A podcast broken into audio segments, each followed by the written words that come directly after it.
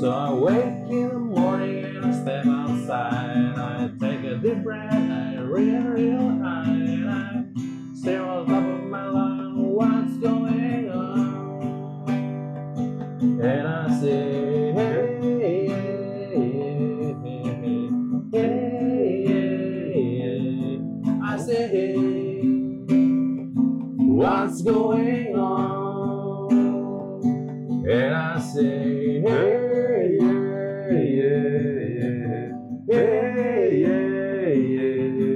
I say, hey, what's going on?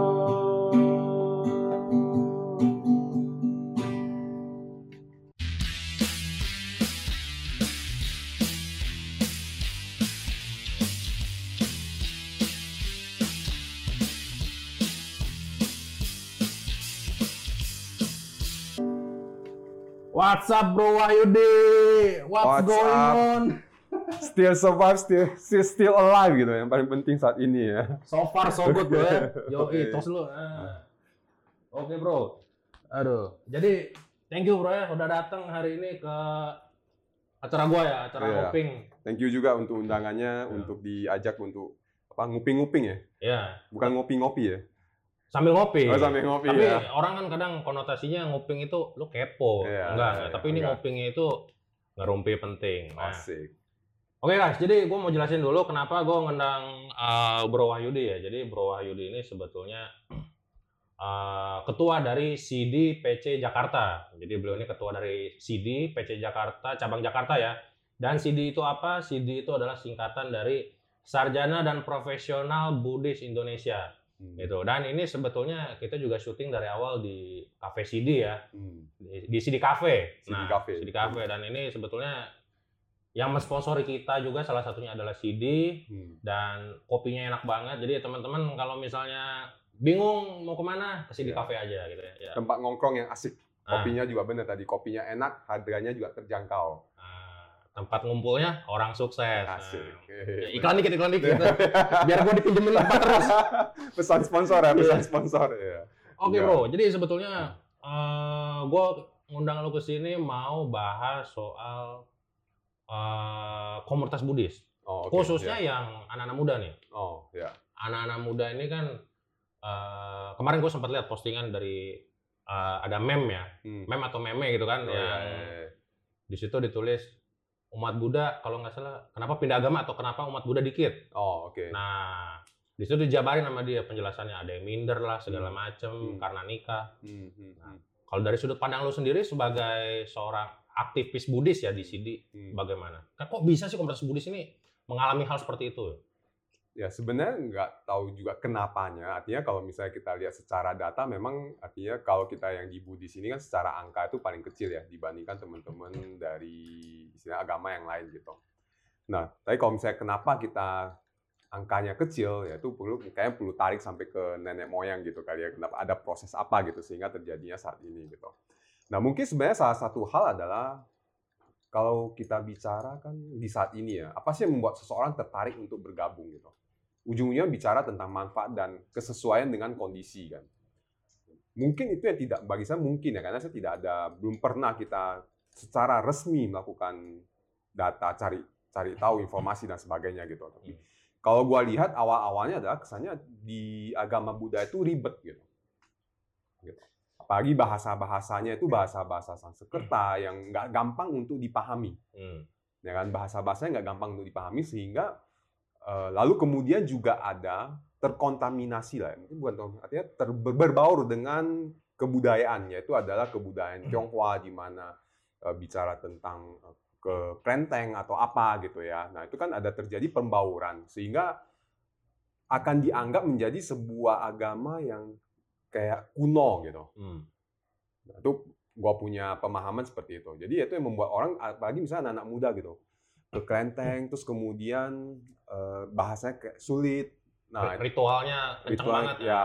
Lalu kemudian juga ya kita perlu akui gitu. Maksudnya ya secara environment kalau kita bicara soal lingkungan ya memang ma- kita nggak kayak nggak mayoritas kita akan ketemu dengan orang-orang yang eh, yang di mana mereka agamanya yang berbeda dan oh ternyata agamanya gampang ya, oh asik ya begini ya dan sebagainya sehingga membuat saya jadi oh ya udah kalau gitu dan karena saya tidak punya keterikatan akarnya nggak kuat karena saya akarnya nggak kuat ya otomatis akan gampang untuk saya untuk eh, ikut yuk gitu. Ah. Apalagi misalnya di sekolah juga di sangat kuat dengan teman-teman dari saya agama yang lain gitu. Nah karena di sekolah dia juga diajarinnya lebih ke agama yang lain ya otomatis ya jadi ngikut gitu karena didukung dengan akar yang tidak kuat. Oke, tadi ada beberapa poin nih yang gua tangkap nih bahwa kenapa umat Buddhis ini mengalami kemerosotan satu karena yang muda ini merasa eh, bahasanya terlalu ribet Hmm. ya Hmm. bahasa Sanskerta kesannya ya tadi Ya, kan kesannya. kesannya ya Ya, bukan berarti Buddhisnya ini ribet tapi Ya. kesannya saja ya, artinya bagaimana cara mengemas ya. kesannya ribet karena pakai bahasa Pali Sanskerta bukan bahasa sehari-hari kita bahasa Indonesia kemudian eh, ada juga tadi lu singgung karena mungkin sekolahnya non Buddhis Hmm. kemudian ada anggapan orang dari luar Buddhis juga menganggap bahwa Buddhis itu kuno Hmm. agama ketinggalan zaman sama apa tadi lu bilang Bahwa apa ya tadi gua ngomongnya? ya itulah pokoknya nah, nah, jadi maksud gua dari itu semua eh, gua melihat juga ya bisa ada karena ngikut pacar gitu kan Oh iya. Nah, terus lu padahal sebetulnya kalau lu punya pendirian yang teguh nih lu lu kenapa harus ngikut justru harusnya lu yang jadi magnet gitu loh lu Ya. bisa narik orang Hmm. paham Buddhisme gitu kan Hmm. nah Kalau misalnya terkait dengan ya salah satunya juga memang pasangan ya pacar. Hmm. Pacarnya gua agama, agama non Buddhis terus akhirnya gua yang ikut ke sana gitu. Ya akhirnya memang siapa yang lebih punya power sih ujung-ujungnya kalau kita bicara ke sana dan pemahaman yang kuat. Maka kenapa kalau udah tahu seperti itu ya kalau memang ini ya gini, pertama lu mencintai aga- lu mencintai ajaran Sang Buddha atau tidak? Itu dulu nih. Akar utamanya ke sana gitu. Lu pahami nggak ajaran Sang Buddha dan lu men- menurut lu ajaran Sang Buddha dapat membantu lu untuk hidup bahagia di kehidupan saat ini atau tidak? Nah, menurut gua banyak dari teman-teman em, anak muda saat ini, mereka tidak benar-benar mendalami. Sehingga ya akhirnya mereka hanya ikut-ikutan gitu. hmm. Dan pas saat dia ikut karena dia tidak bagi dia secara agama itu nggak terlalu penting, ya udah mau agama apa pun nggak masalah kok gitu. Nah, itu kenapa dia berpikir seperti itu? Artinya kan karena gua punya pemahaman terhadap apa yang Buddha ajarkan nggak nggak nggak kuat sehingga ya bagi gua nanti gua mau ke agama yang lain itu it's okay karena ya gua nggak terikat, gua nggak merasa terikat dengan satu agama karena gua nggak terlalu kuat di sana gitu. karena ajaran agamanya mungkin nggak mengena ke hati Ya, orang tersebut Ya. sehingga dia nggak merasa uh, terikat dengan agama Ya. Buddha sehingga dia gampang gampang aja keluar gitu. iya, kan. iya gitu. Nah, eh, apakah ini ada apa ya namanya? Kenapa gitu loh orang bisa sampai nggak bisa mengikat begitu kuat terhadap ajaran Buddhisme, padahal dia KTP-nya udah Buddhis tapi dia Ya. nggak nggak mendalami dan lain lain sebagainya nggak ada keterikatan itu karena mungkin karena nggak nyaman Dapat nggak? nggak nyaman eh gimana ya mungkin orang ada merasa nggak nyaman juga ini seperti tadi yang lo bilang ini ritualnya terlalu kuat kemudian ini. Ya itu sebetulnya juga apa ya? Kalau nggak nyaman ini kan kita perlu tahu ya maksudnya eh, memang ada orang ya kalau misalnya terlalu ritual dia nggak nyaman. Misalnya saat ini kan orang nggak mau terlalu lama misalnya nonton video aja pun sekarang juga maunya yang pendek-pendek gitu ya.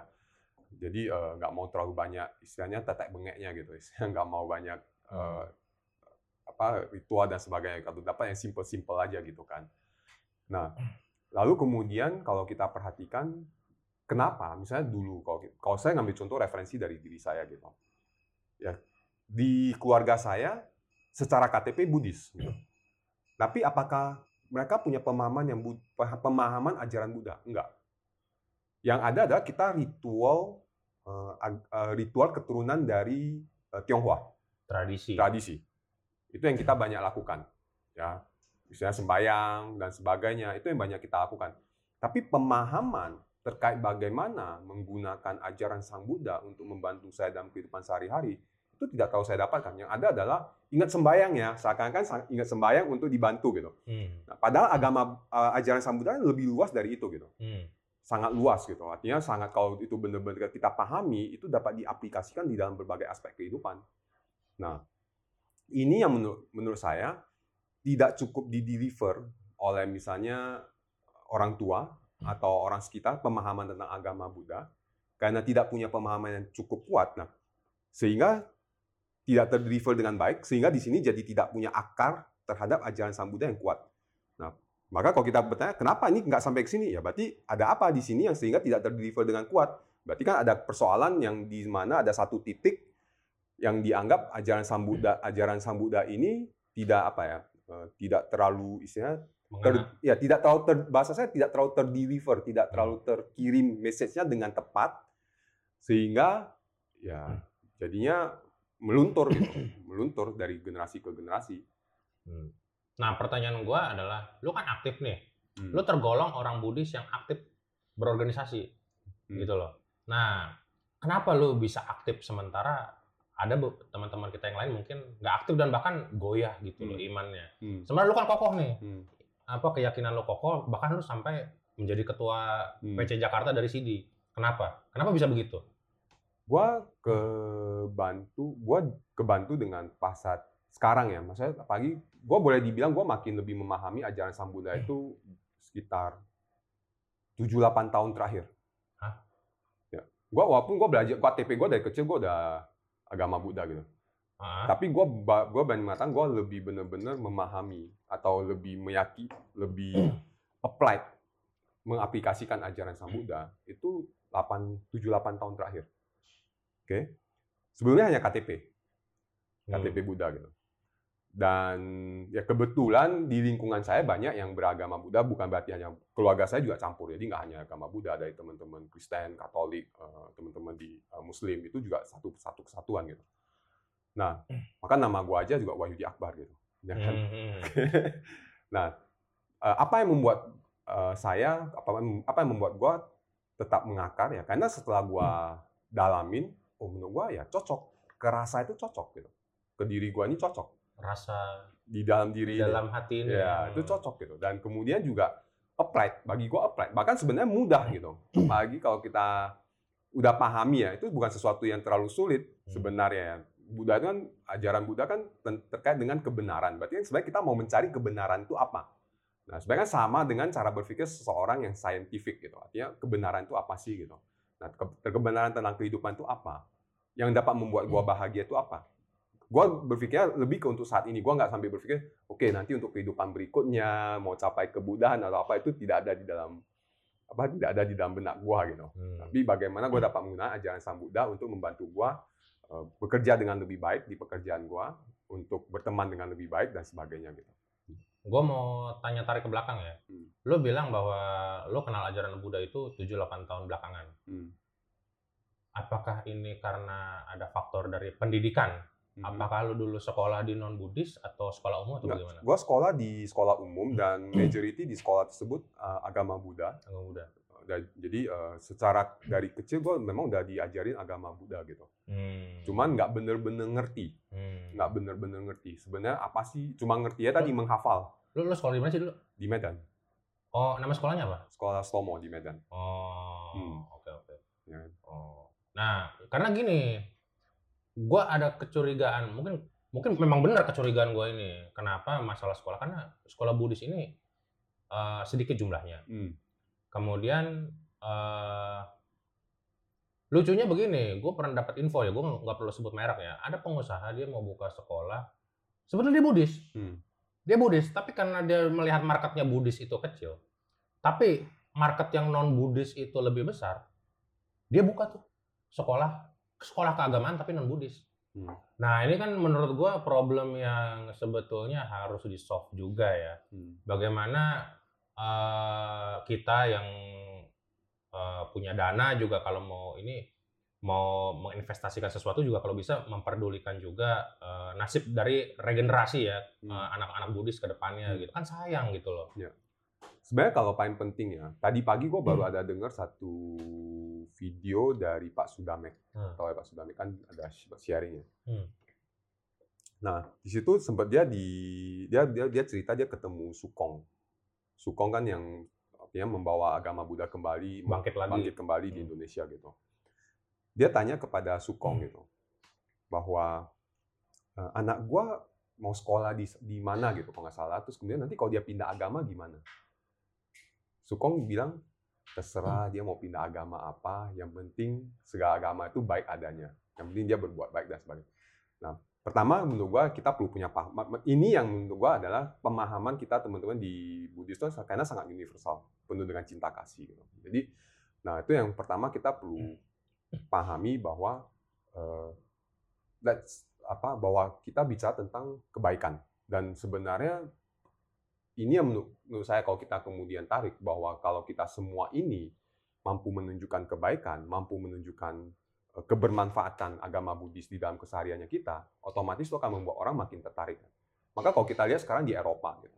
bahkan sebenarnya katanya kan kemarin saya baru berkembang ada, malah. ya ngobrol sama siapa ya, dia bilang ya seperti itu bahwa agama Buddha saat ini di Eropa di sana lagi berkembang gitu, karena mereka mendapatkan manfaat.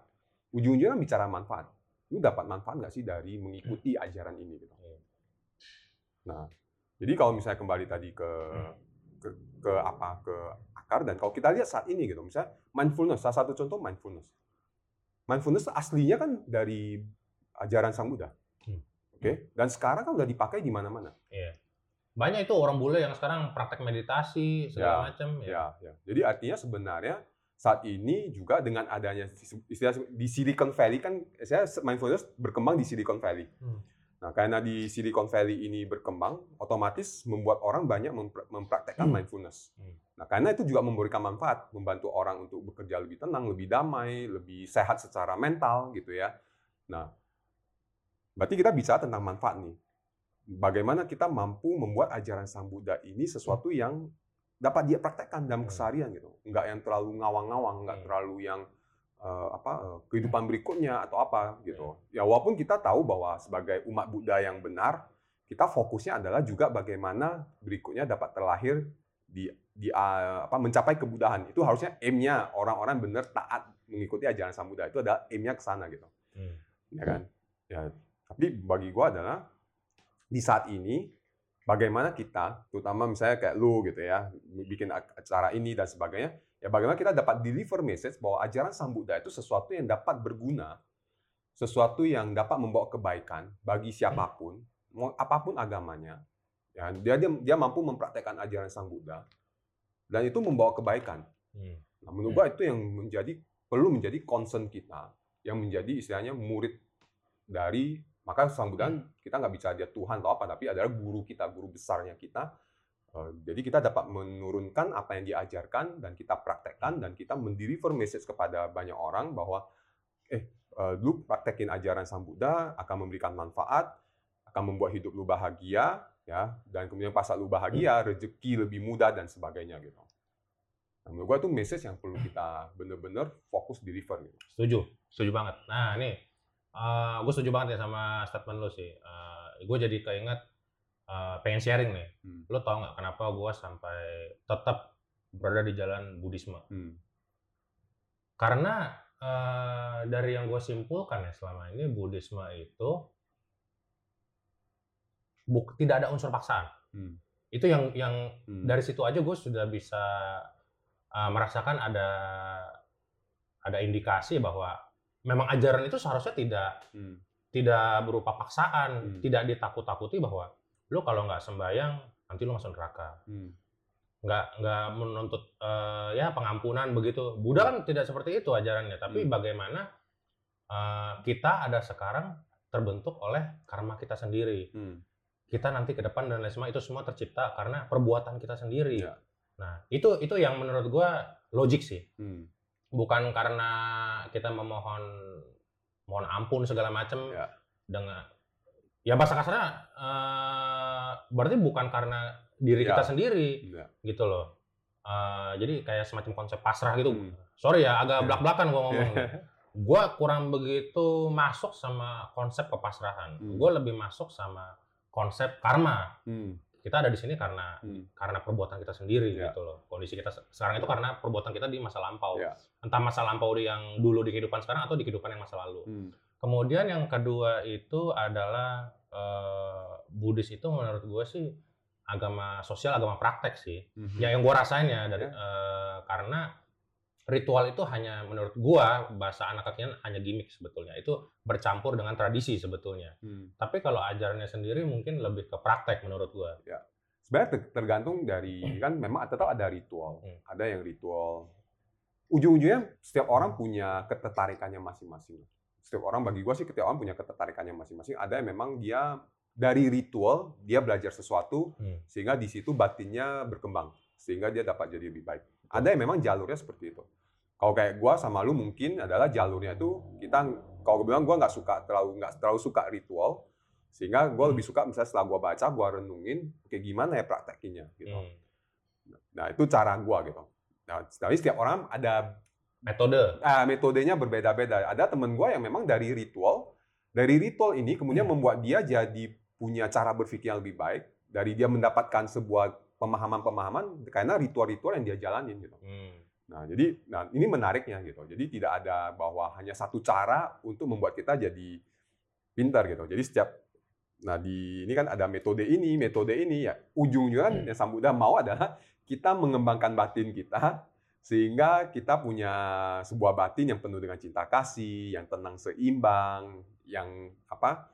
Ya, sehingga kita mampu bahagia di saat ini. Nah, itu kan ada poinnya untuk transformasi diri kan ke sana gitu. Nah, kebetulan CD ini kan metode apa kita itu adalah tempat untuk transformasi diri dan transformasi sosial. Nah, sebenarnya ajaran Sang Buddha kan juga adalah bagaimana kita mengalami transformasi diri kita. Ya, kita mentransform diri kita untuk menjadi pribadi yang lebih istilahnya kalau bukan lebih baik sih menurut gua ada kembali ke titik awal lu bahwa pada dasarnya itu manusia itu sebenarnya baik gitu. Gue itu gue yakinin gitu. Jadi mentransform diri kita kembali ke titik awal. Ya, baru kemudian kita transformasi sosial gitu. Nah, seperti yang lu lakukan saat ini sebenarnya kan dengan buat konten-konten ini berharap mentransformasi cara berpikir sosial untuk membuat mereka punya pandangan yang lebih tepat, pandangan yang lebih baik, ya terkait sehingga itu karena mereka punya pandangan yang lebih baik, otomatis mereka akan berperilaku yang lebih baik. Gitu. Hmm. Oke. Nah, betul, gue setuju sama lu dengan keterbukaan pemikiran lu ya. Jadi ini hanya masalah metode sebetulnya. Makanya Buddhis itu juga kan banyak aliran. Hmm. Ada yang kental eh, prakteknya, ada yang kental tradisinya. Hmm. Itu semua hanya metode gitu loh. Ada juga yang bisa menemukan pencerahan dari ritual Hmm. gitu. Ada juga yang dari praktek dia menemukan Hmm. pencerahan. Ya betul macam-macam sih Hmm. gitu. Cuman kadang eh, kita juga harus perlu eh, cari tahu juga ya Hmm. apakah eh, kemasan Buddhisme di Indonesia ini sudah cocok dengan Hmm. dengan yang ada kondisi di Indonesia gitu. Hmm. Nah, menjawab itu, gue makanya bikin konten ini sama teman-teman yang lain ya dibantu. Karena selama ini eh gue lihat sih konten Buddhis, terutama yang seminar atau yang online segala macam. Sore itu saya nih eh, kesannya kaku Hmm. dan eh, pakai bahasa yang har- koridornya ketat sekali, tidak berani lompat pagar. Bahasa gue tuh nggak berani kalau nggak lompat pagar tuh kayak nggak berani menembus batas gitu loh. Iya. Nah, sementara kalau kita lihat konten-konten dari yang lain itu eh, mereka sangat fleksibel dan lain sebagainya. Nah di nguping ini gue mau coba ini sih apa namanya eh, berada di tengah-tengah gitu loh. Bagaimana konten ini sebetulnya eh, memang backgroundnya Buddhis tapi pembahasannya itu agak sedikit belak-belakan, kemudian gaya kekinian dan membahas hal-hal yang sebetulnya mungkin jarang dibahas di wihara dan lain sebagainya. Misalnya bahas uh, korelasi antara Buddhisme dan HAM, Hmm. korelasi antara pandangan Ya, politik ya. umat Buddha. Itu kan gue yakin ya di wihara jarang. Nah ini Ya. gue mau buka di sini gitu loh. Ya, ya, ya. Karena itu penting gitu Oke. loh. Nah, nah jadi ini sekali lagi metode, ya. metode. Setiap orang punya ketertarikan masing-masing. Nah, itu kan menariknya dari eh, eh, apa ajaran Sang Buddha. Nah, ini kalian juga perlu tahu. Artinya kalau dari, dari pem- pemikiran saya, kenapa kadang kita, gue pakai kata kita karena gue juga kadang suka seperti itu. Jadi terlalu kaku, terlalu berhati-hati, terlalu waspada. Karena kan kita tahu nih, setiap ucapan, pikiran itu satu detik atau satu apa itu menghasilkan akibat kan. Iya. Mengasih- Sehingga sangat penting untuk menjaga setiap hal ini gitu. Hmm. Nah, karena karena mungkin belum mencapai satu pencerahan, ya, sehingga kan sangat perlu mewaspadai setiap ucapan, setiap perilaku, setiap tindakan. Jangan sampai nanti menghasilkan sebuah karma yang di mana menjadi istilah bumerang buat diri sendiri kan. Hmm. Nah, itu yang menurut gua kadang-kadang membuat saya pribadi jadi kaku. Karena khawatir, Enggak, lu menurut gue tergolong yang nggak kaku bro. Kan ada saatnya gitu. Oh, ada saatnya. Ya, maksudnya Menurut gue sih lu asik pembawaan lu. ya kan? Iya. Nah, jadi ada saatnya jadinya seperti itu gitu. Hmm. Jadinya ka- karena ya, khawatir ada jadi jadi ada kekhawatiran gitu ya. Bahasa saya ada kekhawatiran otomatis gue berhati-hati dong. Hmm, hmm. Nah, karena berhati-hati di satu sisi dapat terlihat jadinya kaku gitu. Hmm. Nah, ini yang kadang-kadang yang gua lihat eh, ini yang terjadi sehingga mereka sangat waspada dengan ucapan. Hmm, hmm. Jadi automatically karena sangat waspada karena mereka punya pemahaman itu. Mungkin teman-teman yang non Buddhis, mereka kan nggak ada ke sana. Yang penting gua berbuat baik. Tapi kan dia belum tahu kalau di Buddhis kan di orang yang sudah belajar tuh karena saking belajarnya, Hmm. saking detailnya dia tahu, dia makin waspada kan. Hmm, hmm. Karena dia saking waspada, makin dikit yang dia ucapin atau kelihatannya jadi makin kaku. Ya. Nah, ini yang sering kali Benar. yang kita tidak tidak per- terperhatikan gitu. Iya, benar benar benar. Iya benar juga ya. Iya. Nah, eh, apa namanya? Mungkin perlu juga ya. Gue yakin sih anak-anak muda Buddhis sekarang lebih kreatif sih kalau gue perhatiin Oh iya, di, ya. di YouTube. sekarang Sekarang bahkan ada yang bikin meme itu itu menurut gue ya, itu udah Ya. cukup sebuah revolusi ya, Ya. dari dari bagaimana mengemas Buddhis ini hmm, ke arah yang lebih selau lah gitu, Hmm. lebih lebih santai, lebih Ya. kekinian gitu kan. Nah, eh, dulu mana ada kan bisa Ya. bisa dikatakan oh ini penistaan agama ya. gitu. Yang misalnya pakai baju seksi segala macam Ya. ya. Sebetulnya kalau kita lihat di ajaran Zen ada juga kan, tapi Ya. sebetulnya itu bagaimana ada nilai-nilai juga Ya. gitu kan, bukan sekedar porno doang. Itu kan tergantung pikiran kita ya, gitu. ya, ya. Nah, eh, apa namanya? Sebenarnya yang kayak lu lakukan saat ini, misalnya ya tadi kan, artinya untuk mengekspan lah. Jadi artinya benar mengembangkan cara berpikir orang lain sehingga dapat melihat bahwa dengan ajaran Sang Buddha itu tidak hanya lihat dari sisi ini, tapi juga dapat, oh ternyata ajaran Sang Buddha dapat masuk ke dalam politik, ke dalam apa HAM dan sebagainya kan, nggak hanya sekedar eh, sebagai sebuah agama gitu. Yes. tidak hanya sebagai sebuah, tapi sebagai sebuah ajaran praktek hidup yang dapat kita praktekkan di dalam dunia politik, di uh, Everything. everything gitu. Iya. Ya, memang kan sebenarnya ajaran Sang Buddha seperti itu yang dapat kita praktekkan di dalam segala aspek Apa pun. kita. Ya, gitu. Iya. Ya apa namanya? Nyambung gitu ya ngomongnya. Hmm. Enak ya. ya apa namanya? eh gue jadi terkesan sedikit curhat ya, tapi ya ada juga lah yang yang Hmm. kritik ya ini orang bikin konten kok kayak nggak sopan gitu Hmm. kan kesannya Hmm. kok belak-belakan apa Hmm. nggak diajarin sopan santun ya. Ya, Gue menilai begini sih, ya itu tadi alasannya karena kesannya kaku sehingga eh deliv- eh, pesan dharma itu tidak terdeliver dengan baik ke generasi yang kekinian ya, generasi milenial. Nah, kita perlu tentu perlu sebuah modifikasi, Hmm. kreasi baru. Nah, Hmm. ini salah satunya sih yang gue pikirin sih, makanya terkesan belak-belakan, instan dan lain sebagainya. ya, Supaya message-nya terdeliver, Ya. inti sari terdeliver walaupun dengan Ya. cara yang ya mungkin ya untuk generasi-generasi yang senior ya. kadang agak lompat pagar begitu. Ya, apa namanya? Ya sebenarnya seperti yang tadi kita apa sempat ngobrol lah ya, maksudnya Hmm. selalu ada kondisi di mana nggak sesuai. Ya, kita tahu lah, eh, Sang Buddha juga ada mengajarkan bahwa eh, gua, pertama gue belajar itu dari Master Thich Nhat Hanh. ya. Dia mengatakan bahwa persepsi kita itu sering kali keliru. Boleh dibilang 99% keliru gitu. Hmm. Sehingga orang kan punya kecenderungan kembali orang setiap orang punya kecenderungan masing-masing kan. Dia akan lihat gaya lu, oh gaya lu gini nggak cocok sama gua gitu. Tapi bukan berarti lu salah gitu. Hmm. Tapi hanya sekedar oh gaya lu nggak cocok. Iya. Nah, yang terjadi adalah orang sering kali melihat cover. Dia tidak berusaha untuk melihat oke intention atau niat lu apa sih melakukan ini. Yang dia yang dia begitu karena mata ini lihat nggak cocok dirasa, gua nggak suka. Hmm. Tapi tidak berusaha untuk melihat mendalam. Hmm. Oke, lu lakukan ini niatnya apa ya? Hmm. Untuk apa ya? Oh, kalau niat lu ini untuk ini, maka memang cara ini paling cocok. Tapi kalau niat lu ini dan untuk ini, oh kalau kayak gitu lu perlu tweak dikit nih cara lu gitu supaya cocok nih untuk sana gitu. Nah, yang orang lihat kan cuma hanya sebatas lu gua goblok, ya? Yang orang, orang lihat dan dengar cuma itu doang gitu. Dia kan nggak melihat waktu lu ngomong goblok, Iya. sebenarnya mau message-nya apa sih gitu. Iya, iya, iya. Orang kan nggak- nggak dia nggak memperhatikan ke sana kan. Iya. Gitu. Iya, iya, iya. Ini sedikit apa ya? Ya, energi booster juga ya dan motivasi juga buat gua ya. Jadi intinya acara ini lanjut ya. Yo gitu. Ya lanjut lah bodo amat lah. Karena gini, apa mau se seperti apa pun kita bertindak ya. Iya. Ada aja pasti yang kritik yang nggak suka. Oh ya, ya. Ada aja. Lu mau bilang sesopan apa pun nanti dibilang wah itu terlalu serius, terlalu kaku. Jadi nggak terdeliver message-nya. Hmm. Ada juga oh ini terlalu santai, nggak ada etika gitu. Tapi message-nya terdeli- terdeliver. Ya ini masalah cocok-cocokan bener. Iya, iya. Maka kembali ke ada orang yang mengatakan kalau selebgram atau apa ya. Kalau lu nggak siap dikritik, lebih baik lu jangan terkenal. Hmm, hmm, hmm, hmm. Maka kenapa kadang kita lihat orang yang karena dia udah terkenal, dia nggak siap ya dikritik, akhirnya dia menghilang, bahkan ada yang sampai kemudian bunuh diri dan sebagainya gitu. Hanya karena soal kritikan-kritikan gitu. Hmm. Ya, menurut gua eh, apa pun ya, maksudnya kalau kita mau ya kayak lu gitu kan, artinya lu mengambil satu sikap, lu lakukan ini, ya ada konsekuensi. Kita selalu konsekuensi selalu ada dua kan, yang menyenangkan dan tidak menyenangkan gitu. Hmm. Kayak kita minum lah gitu.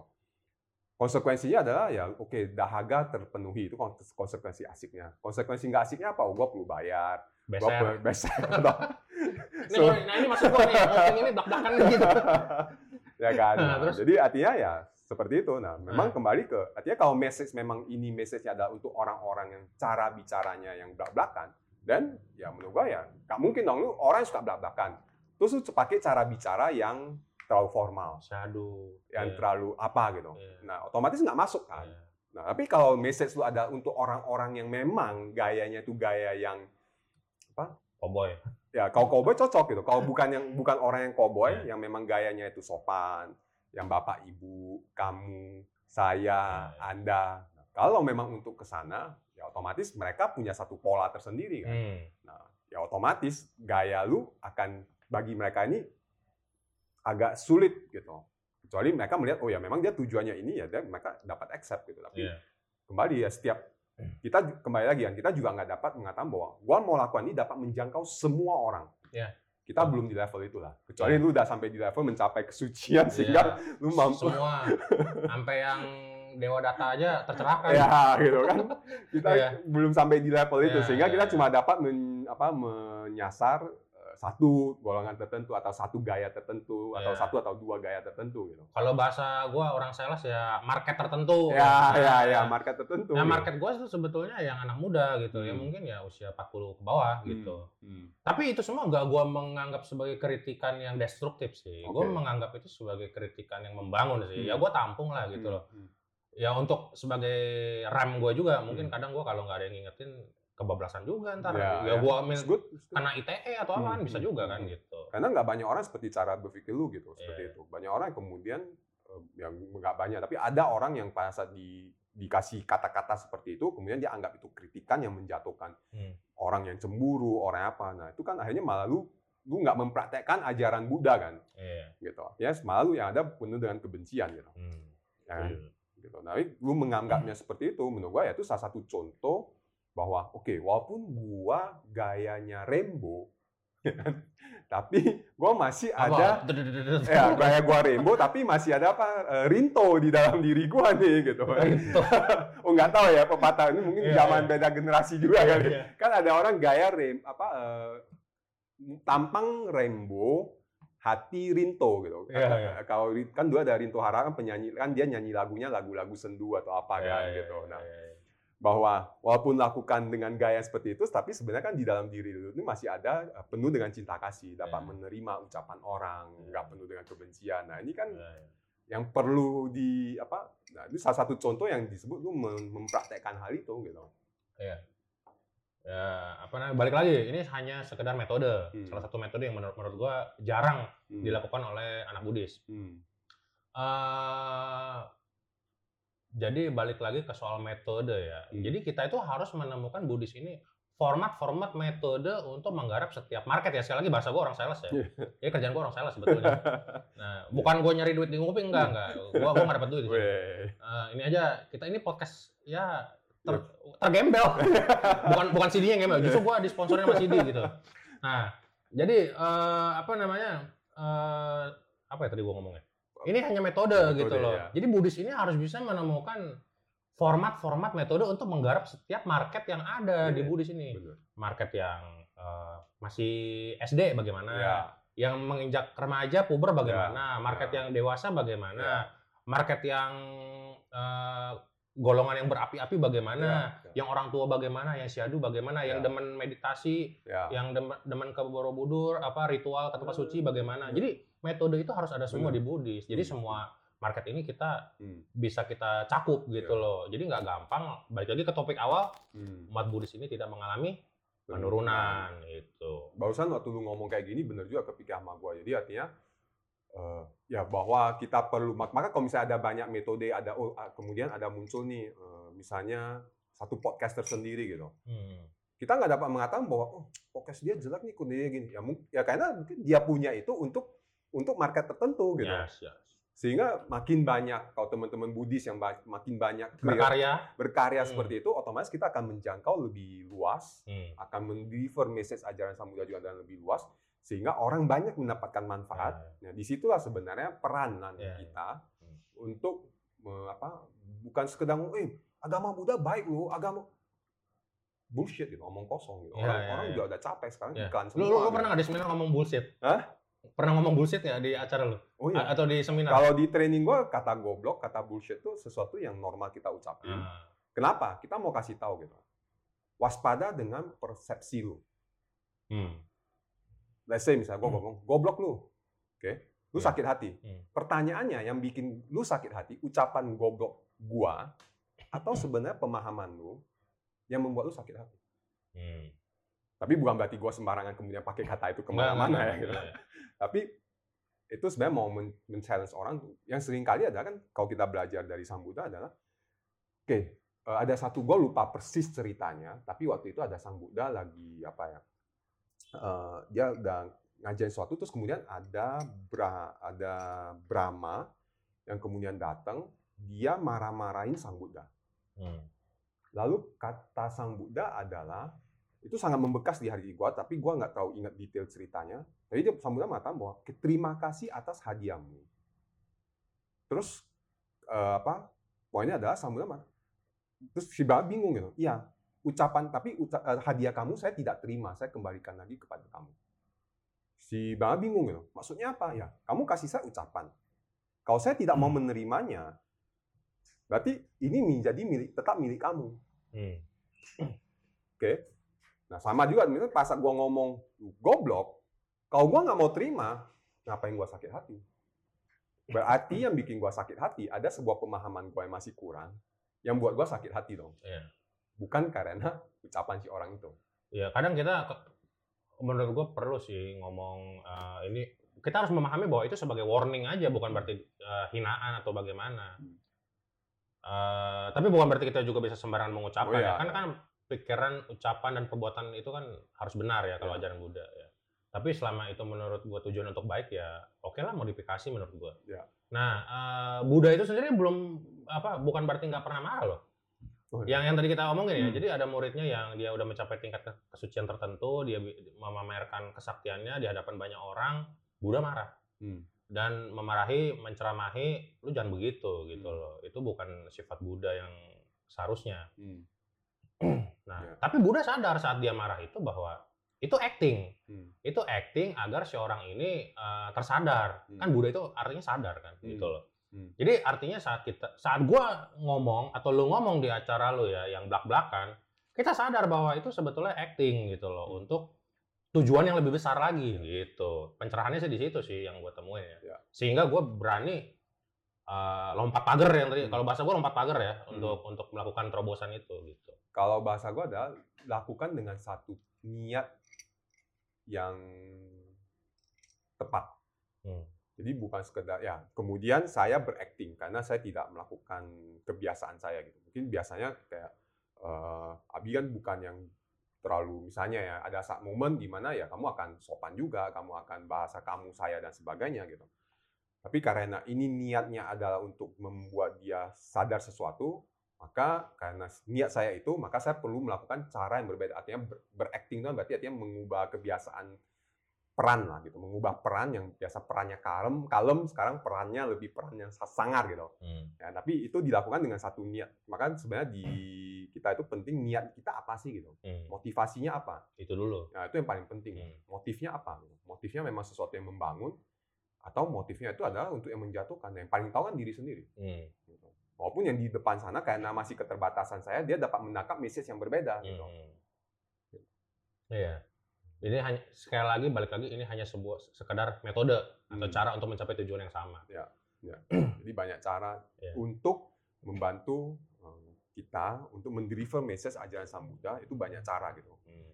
ya karena eh, kembali lagi karena kita, saya belum punya satu cara yang dapat untuk semua ya artinya perlu siap dengan oh ya oh Abi jagonya di sini nih yuk kita pakai cara seperti ini untuk orang-orang seperti gitu, ini ya. gitu oh gua gua gaya gua lebih banyak seperti ini nah, gua juga nggak dapat misalnya gaya Abi sama gua kita akan mungkin dua gaya yang berbeda gitu Mhm. nah artinya gua nggak dapat minta eh, lu karena berbeda sama gua oh, lu nggak cocok nih Oh, lu berbeda ya itu kan berarti pandangan yang keliru Iya, kan iya, iya. karena setiap orang punya stylenya masing-masing gitu. Iya.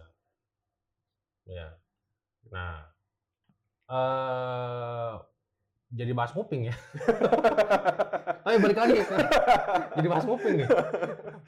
Padahal topiknya ini menurunnya umat Buddha, tapi berkaitan sih. Nah, gue mau balik lagi soal ke menurunnya umat Buddha nih ya di Indonesia. Menurut lu bullshit nggak sih umat Buddha itu di bawah satu persen? Makanya sebetulnya kan ada senior kita yang kerja di IKI ya, Institut Kewarganegaraan Indonesia ya, Oh. Ko Edi sama Pak Eko ya, dia Hmm. tugasnya untuk eh apa namanya mengurus administrasi eh, kependudukan begitu. Nah itu penting juga kita Buddhis Hmm. harus paham ke situ. Oh. Nah apakah hal seperti ini pernah pernah dibahas begitu kan? Nah ter- terus kemarin gue juga ngobrol sama eh, Pak Suyanto ya, Hmm, Pak Suyanto eh, orang CD juga. hmm. Nah, ketua pusatnya ketua- ketua pusatnya CD Iya yang sponsorin ini. Oh, Oke. ya dia ketua pusatnya CD. Iya, jadi eh, dia juga bilang penting juga wihara itu administrasinya diurus Hmm, gitu loh, bagaimana soal akta dan lain sebagainya. Karena kan banyak kasus kita ini eh, tempat ibadah, kelenteng dan lain sebagainya diklaim begitu loh, bukan punya Buddhis, direbut. Itu Hmm. banyak loh terjadi di, Oh. di daerah Oke, gitu. oke, oke. Jadi Gua- nah hal-hal seperti ini kita orang Buddhis harus peka loh, Iya. gitu loh. Harus berpikir lebih progresif lagi Hmm. gitu. Nah, ini nyangkut ke tadi soal penurunan Hmm, penurunan umat Buddha. Ini Hmm. ini kalau ini udah udah bukan bicara ini lagi, ini udah bicara sistem sih sebetulnya. Iya. Gitu. Sebenarnya kalau ya gua kalau itu persisnya gua nggak gua nggak Hmm, tahu. hmm, hmm. Gua gua nggak tahu karena gua nggak ada angka itu. Tapi eh, ya kalau kita paling sedikit menurut gua iya. Artinya agama Buddha itu eh, paling sedikit dianut di Indonesia ya, Hmm. bisa dibandingkan teman-teman yang lain. Nah, tapi poin ya bener bahwa administrasi atau apa kayak kemarin juga ngomong sama Pak Suyanto ya, Pak Suyanto juga sempat udah mulai dibilang PC Jakarta perlu ngurusin nih aktenya dan sebagainya gitu. Jadi supaya lebih apa ya, lebih gampang lah dia bilang juga gitu. Ya bener kalau misalnya apalagi kalau kita di VR atau apa ya kita administrasi itu memang kesannya ribet tapi itu penting. Hmm. Kalau enggak ya tadi kayak lu bilang gitu yang tadi apa diklaim jadi yang lain dan sebagainya gitu. Nah itu itu perlu Hmm. di di apa diwaspadai gitu. Hmm. Nah, dan sebenarnya lebih ke kalau menurut gua ya saat ini bagaimana tepatnya adalah membantu teman-teman kita yang masih agama KTP-nya Buddhis mengerti nggak usah semuanya tapi poin-poin penting dari ajaran Sang Buddha dan mereka mampu mempraktekkannya di dalam kesehariannya mereka Ya. untuk membantu mereka bahagia, tenang, eh, bebas dari stres itu yang penting Itu juga penting ya. ya Yang penting gua. banget. Itu itu, itu dasarnya menurut gua. ya Hmm. gitu jadi sehingga mereka yang tadinya cuma karena KTP mereka mendapatkan kembali oh ternyata ajaran Sang Buddha itu begini ya sehingga jadi muncul ketertarikan Hmm. untuk mau belajar lebih lanjut Hmm. dan untuk lebih pede untuk eh gua Buddhis nih Hmm. Selain bahas soal sistem ya, Hmm. ini gue juga memperhatikan dari media ya, karena sekarang media kan lagi booming nih ya. Hmm. Ma- Maksud gue adalah kita jangan minder lah gitu. Oh ya. Ya harus pede jadi Buddhis gitu loh. Jangan minder, kemudian nanti ah dianggap ini agama kuno apa tambah ciut lagi, tambah Hmm. ciut lagi. Dia katanya nyembah berhala, nyembah patung. Nah, Terus- justru butuh lu nih kayak Nah. kayak orang kayak lu bikin konten-konten yang dapat Nah. memunculkan kepercayaan diri Iya. teman-teman Buddhis untuk Nah. oh ternyata agama Buddha dapat seperti ini ya, Iya. oh ternyata dapat seperti ini ya. Nah, Nah sehingga kan confidence-nya makin naik kan, mhm. Gitu. Nah sehingga itu yang butuh nih orang-orang kayak lu gitu. Nah. Hmm. Nah, ini gua eh, gua nggak hafal nih. Ya kemarin yang soal keong bergema nih ya ditulisnya. Ini kalau nggak salah nih ya, umat Buddhis mengalami penurunan ya. Eh, pertama, nikah beda agama. Ini ada ada berapa poin nih? 10 kayaknya nih. Kita beda atu-atu deh, tapi secara singkat aja. Iya. Nikah beda agama. Nah, gimana solusinya gimana, Bro? Supaya nggak ngikut tapi kita jadi magnet. Gimana caranya, Bro? Ya kembali ke ke apa ya? Kalau ujung-ujungnya gini, ada orang nggak yang saya pertama juga lihat ada nggak orang yang dia dari Buddhis dia nikah orang itu yang ikut ke Buddhis eh, ada. Ada. Ada. Ada. Apa yang membuat orang itu ngikut? Karena yang Buddhisnya ini kuat. Iya. Oke. Apa yang membuat gua ngikut ke sana? Karena orang itunya yang lebih kuat. Hmm, Oke. Gua punya ini nggak tahu kuat gitu. hmm, Ya kan? hmm, Nah, jadi kembali kalau terkait dengan itu, solusinya adalah ya perkuatlah pemahaman lu. Perkuatlah ya pemahaman lu gitu. Sehingga lu kokoh. Atau kok enggak, karena lu kokoh, sehingga lu akan mencari pasangan yang ya itu seiman gitu. hmm.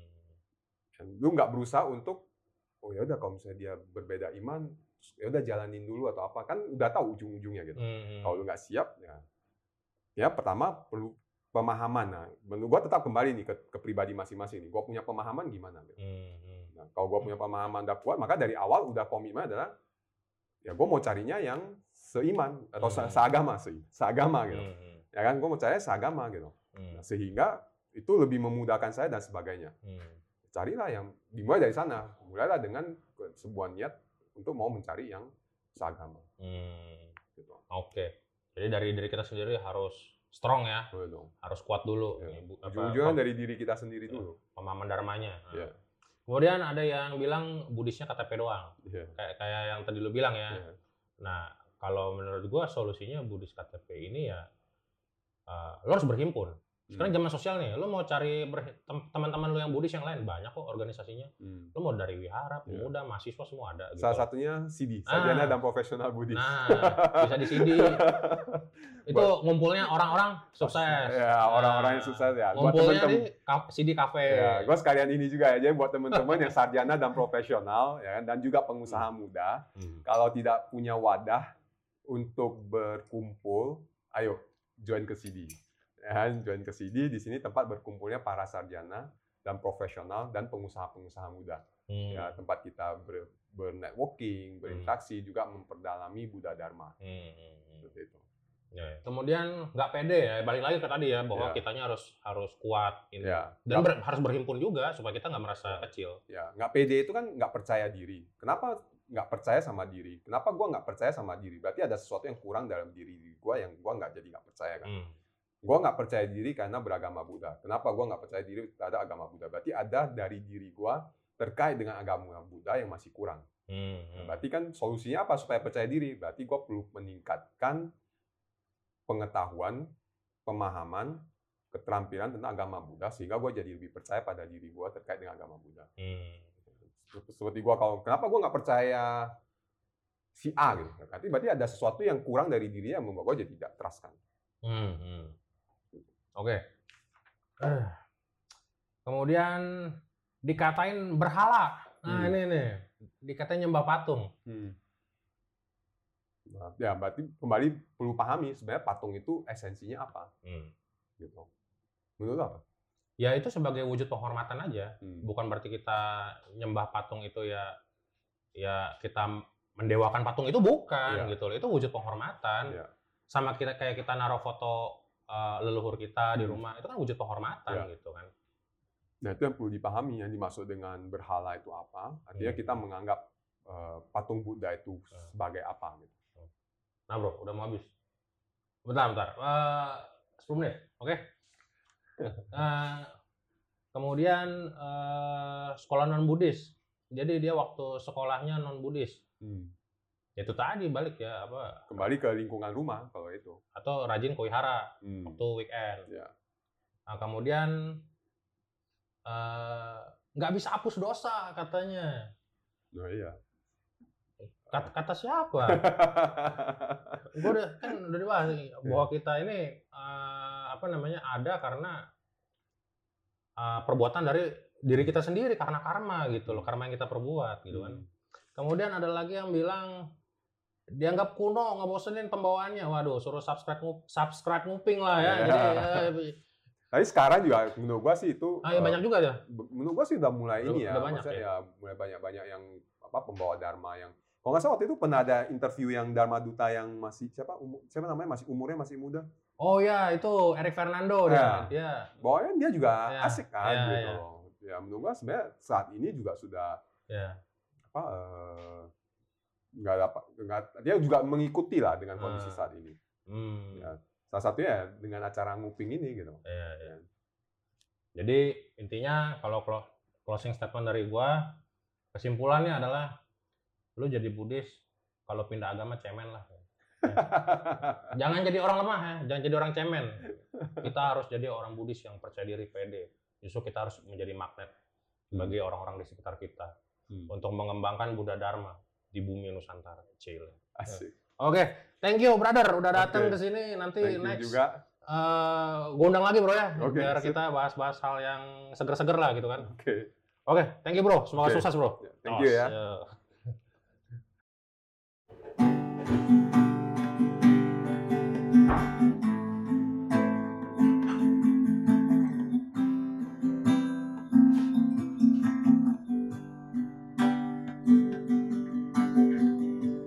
Five years in my life is still trying to get up that great big hill of home for our destination. I realized quickly when I did ask you. Bahasa Inggrisnya ribet banget.